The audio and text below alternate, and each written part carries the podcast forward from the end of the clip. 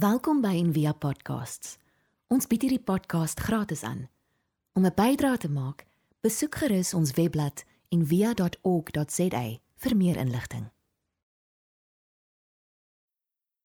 Ons begin vandag ons reeks oor die Heilige Gees en oor vandag se spesifieke tema. Ek nou hierdie hele 12 bladsye teses uitgeskryf gehad en toe besef niemand gaan daarna wil luister nie. So ek hoop die gedagtes wat ek daar uitgetrek het ontlont vandag iets in jou wat God op jou hart wil hê oor die Heilige Gees. Het jy al ooit gewonder hoekom Jesus nie sy gees uitstort tydens sy aardse lewe nie, maar na sy dood en opstanding? In Johannes 16 sê hy: "Maar ek sê vir julle die waarheid, dit is vir julle voordelig dat ek weggaan. Want as ek nie weggaan nie, sal die Trooster nie na julle toe kom nie, maar as ek weggaan, sal ek hom na julle toe stuur." Die weggaan van die aardse Jesus is dis die begin van die opgestane Christus, moontlik gemaak deur die Gees. Mense sou verder kon wonder hoekom Jesus nie kon bly om sy eie werk klaar te maak nie.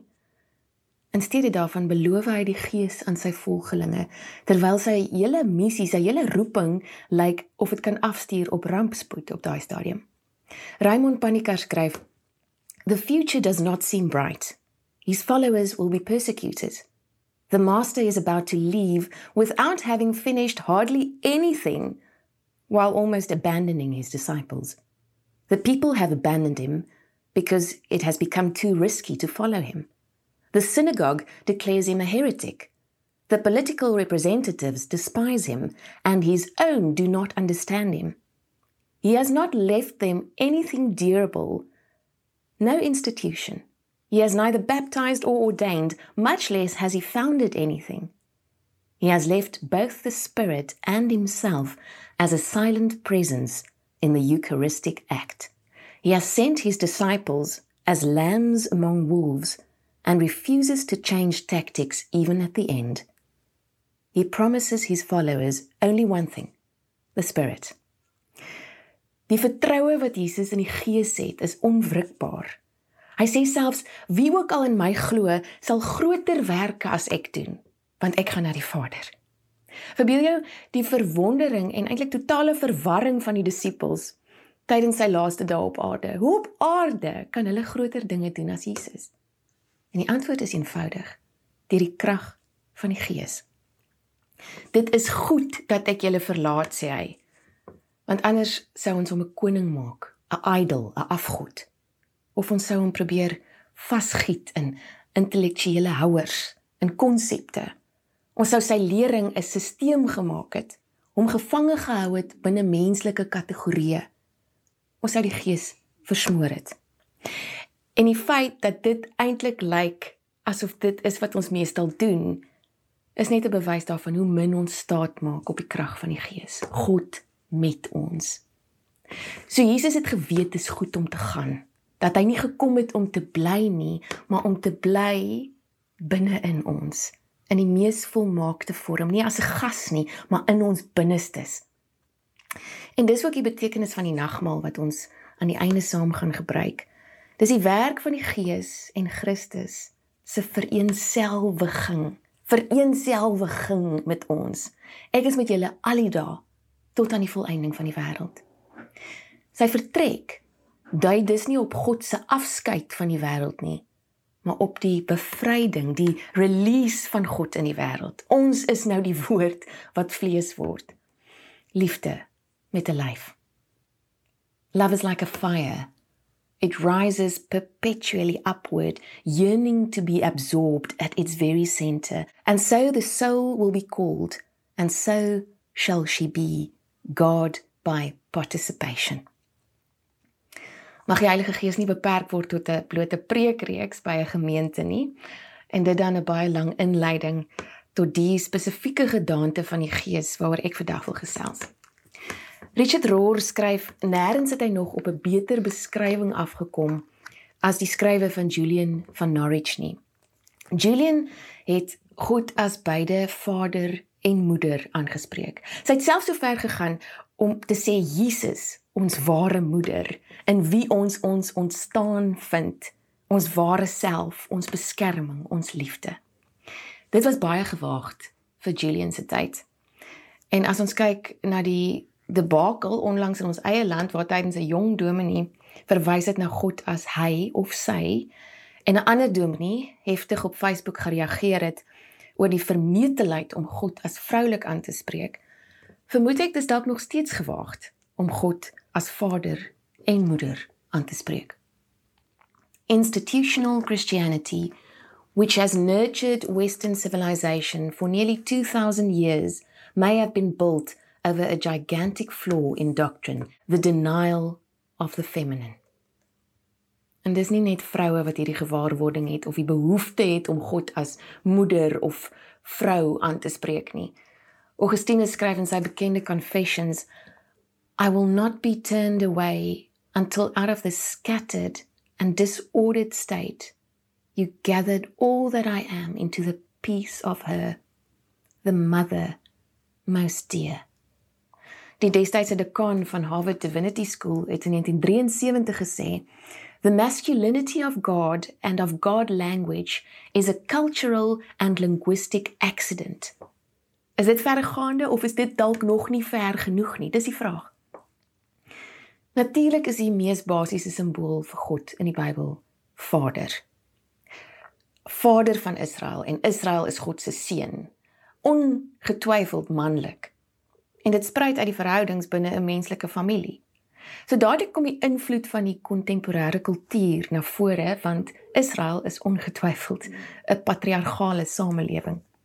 Die verbond is gesluit met die mans van Israel en die besnydenis was die groot teken van die verbond. Alhoewel mens nie verder as Genesis 1 hoef te lees oor God se geslag en hom um, dat die uitsluiting van vroue binne dit ten hemele skreeu nie.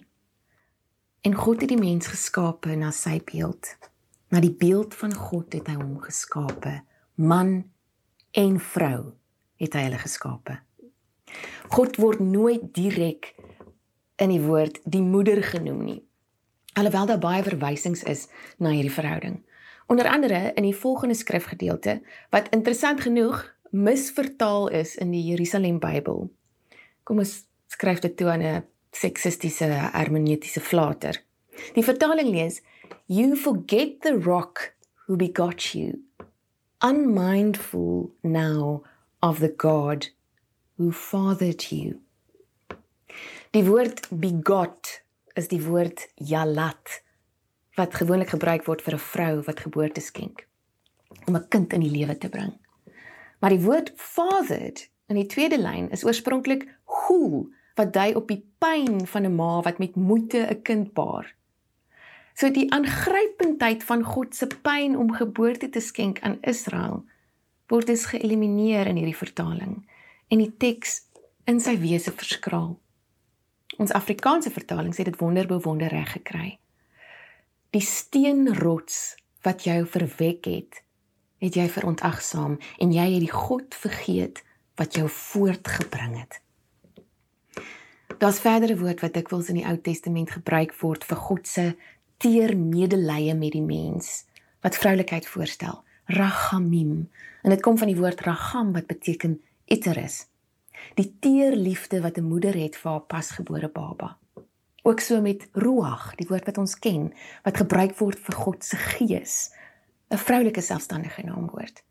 Die Gees is die go between God, die verhoudingsskepper en om verhouding te soek is 'n vroulike kwaliteit in teenstelling met manlike isolasie en onafhanklikheid soeke.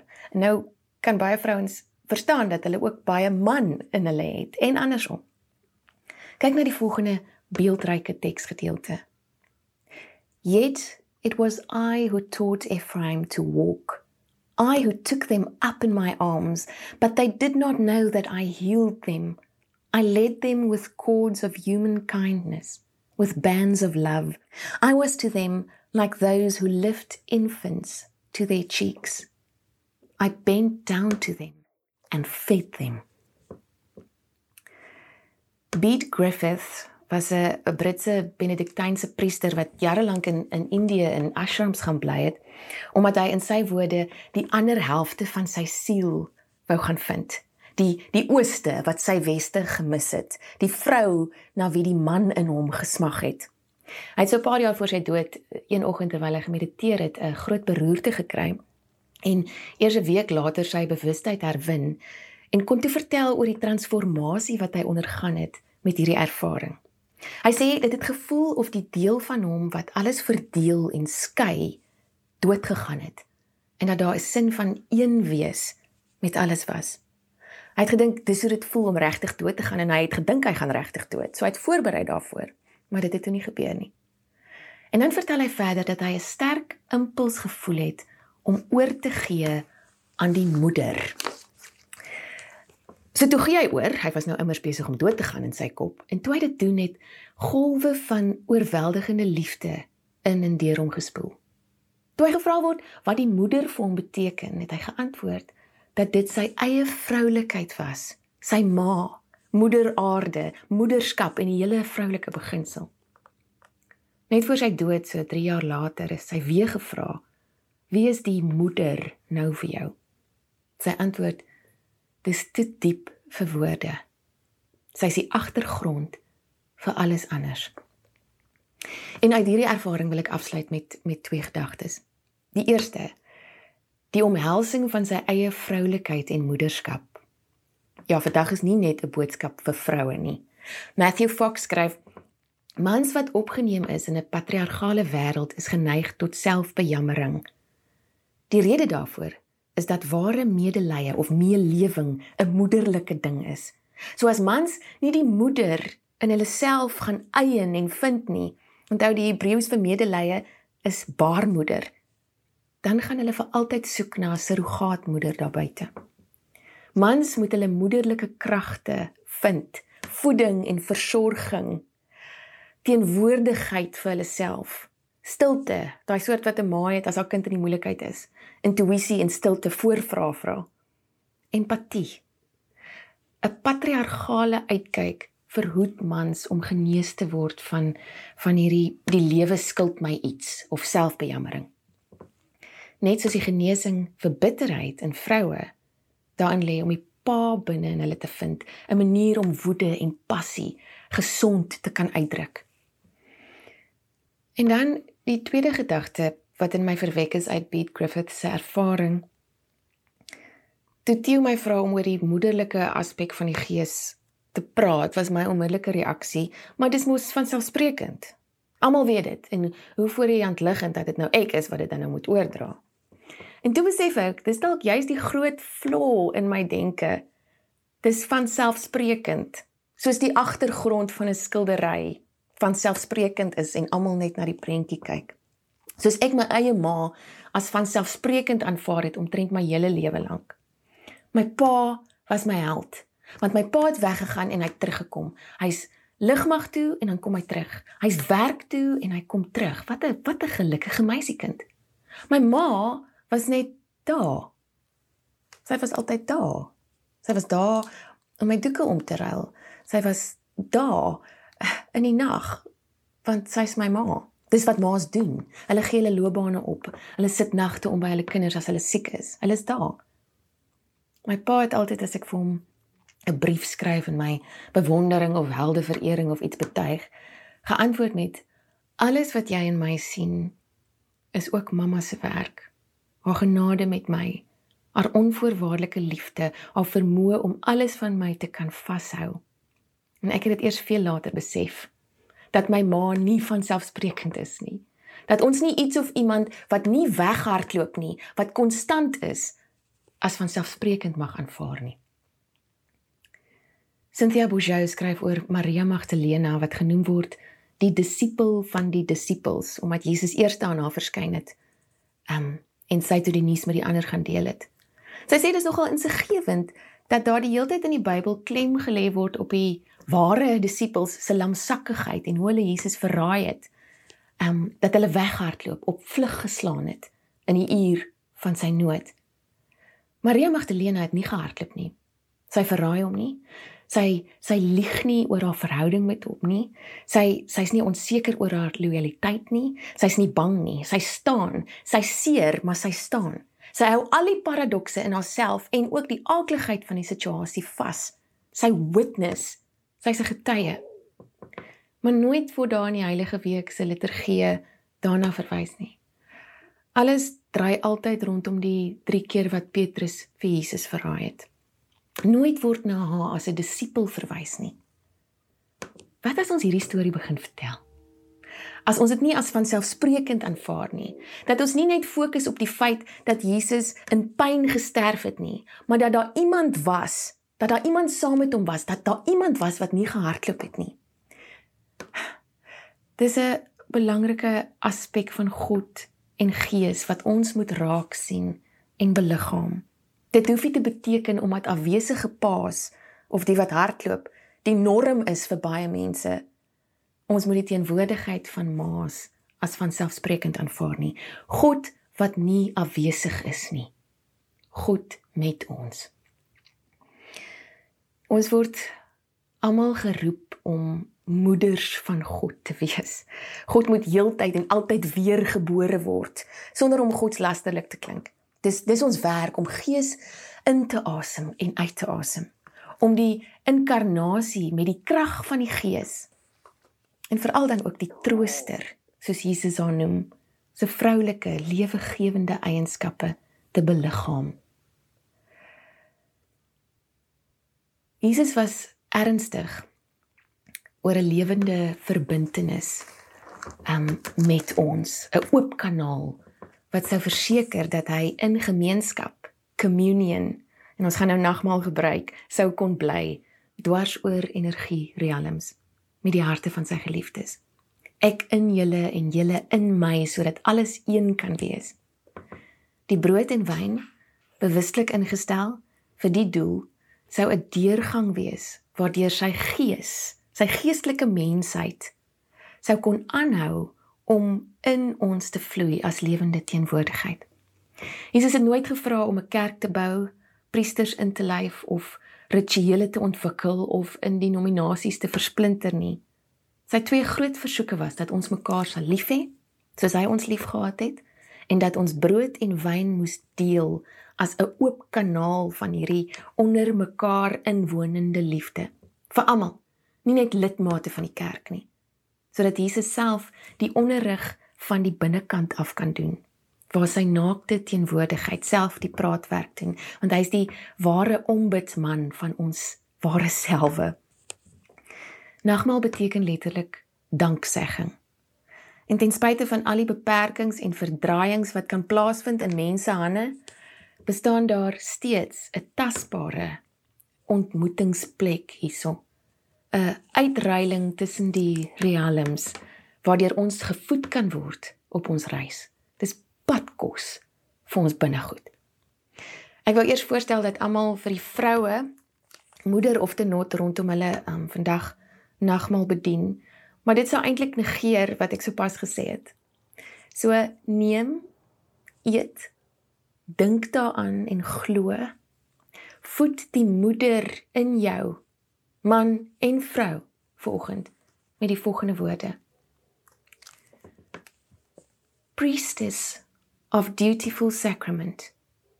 You knead your soul into bread. You serve it on a silver tray, bright morsels for your family to eat. Aren't you hungry too? Ek sluit vir ons af met hierdie hierdie woorde van Edwina Gately as 'n gebed, as 'n seën van God as moeder vir haar kinders vanoggend. My name is Mother and I feed you beloved with my lifeblood to nurture and sustain you, to prepare you, dear one, to carry my presence into the universe again and again and again. Amen. Ons hoop van harte jy het hierdie podcast geniet of raadsaam gevind. Besoek gerus en via.ok.za vir meer inligting.